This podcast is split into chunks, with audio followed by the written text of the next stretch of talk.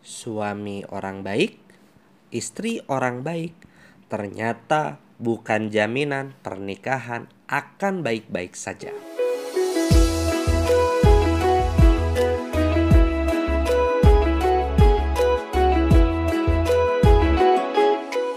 Assalamualaikum warahmatullahi wabarakatuh. Sobat JDA sekalian, Anda masih di podcast Jodoh Dunia Akhirat. Dan saya melihat bahwa ada seorang laki-laki baik menikah dengan perempuan yang baik-baik. Tapi itu ternyata masih belum jadi jaminan kalau pernikahannya itu akan baik-baik saja ke depannya. Why? Kenapa? Karena ini pengamatan aja ya. Coba deh cek. Banyak kok istri yang baik-baik gitu ya, perempuan baik, istri baik-baik, nggak pernah. Ini konteksnya baik itu maksudnya dalam arti insya Allah seperti ini ya kurang lebih ya. Nggak pernah nakal gitu maksudnya nggak pernah apa namanya nggak pernah uh, selingkuh nggak pernah uh, ngedrugs bahkan kayak ngerokok juga bersih gitu ya.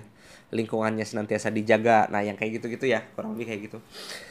Tapi uh, bayangin aja kayak gini.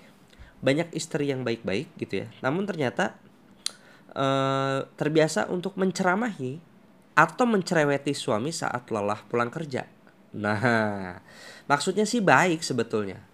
Karena itulah salah satu cara wanita untuk menjadikan suami sebagai tempat curhat kan? Jadi ia memang menjadikan suami sebagai tempat terpercaya untuk ia mengeluarkan isi hatinya.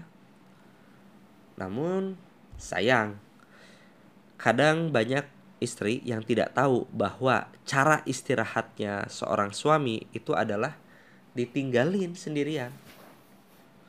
Jadi kalau misalkan suami langsung diserang sama berbagai macam curhatan, suami ngerasa, duh mah please deh, aku udah capek kerja.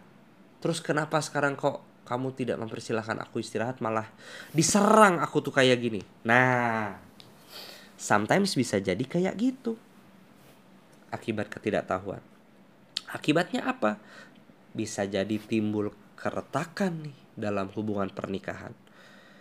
Mending kalau kejadian ini hanya terjadi sekali dua kali itu mending banget gitu.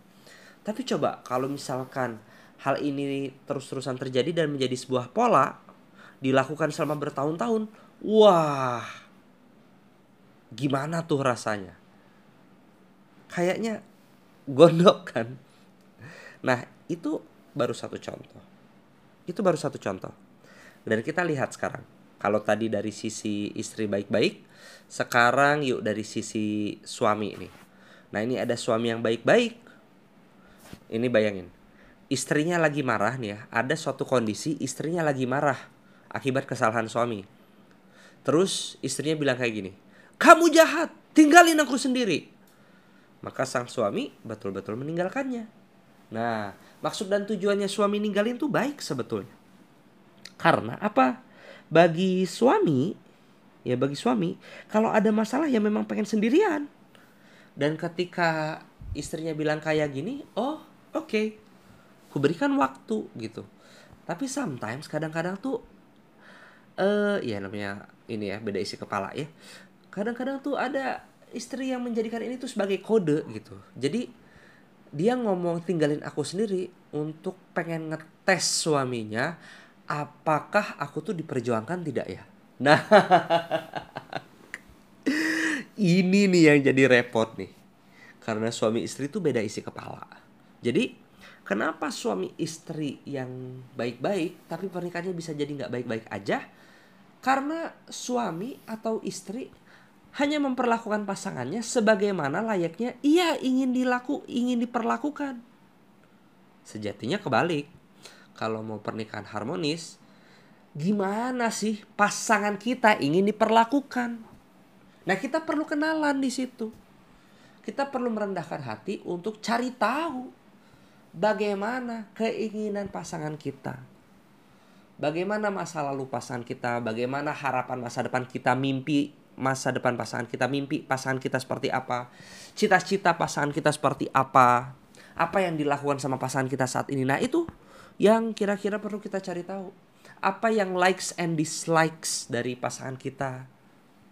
Apa yang topik obrolan yang kalau pasangan ngobrol itu tuh uh kelihatan banget tuh antusiasmenya luar biasa. Nah, itu tuh yang sometimes orang-orang yang udah nikah lupa untuk kenalan sama pasangannya. Sehingga kalau nggak kenalan, gimana caranya kita bisa tahu pasangan ingin diperlakukan seperti apa? Ya nggak?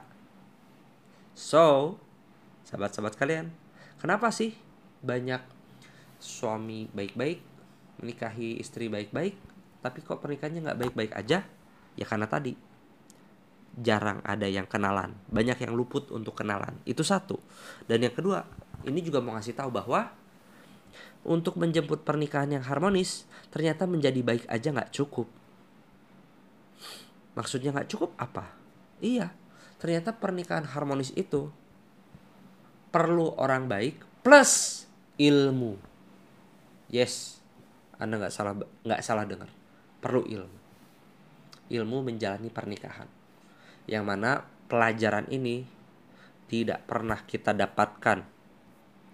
Ketika SD ya SD belajar apa ya? Ya SMP lah. SMP SMA kuliah. Eh kita nggak pernah mempelajari hal ini gitu. Jadinya kita kelabakan. Ya jadinya kita kelabakan. Kita nggak tahu bagaimana cara menyampaikan nasihat tanpa penolakan dari pasangan. Kelabakan tuh kita boleh jadi nggak tahu gimana cara menginstall nasihat, bagaimana cara membuat memfasilitasi perubahan ya, perubahan akhlak jadi jauh lebih baik tentunya kepada anak istri kita. Kita boleh jadi jadi blank nggak tahu bagaimana bahasa cinta pasangan kita. Wah, kalau kita nggak punya ilmu-ilmu ini, jujur deh, kita bakal ada kemungkinan kita bakal ngerasain lelah untuk melakukan kebaikan di dalam rumah tangga kita. So, menjemput pernikahan harmonis cukup nggak sih jadi orang baik aja? Nggak cukup. Yuk kita lengkapi pernikahan kita dengan ilmu dan skills.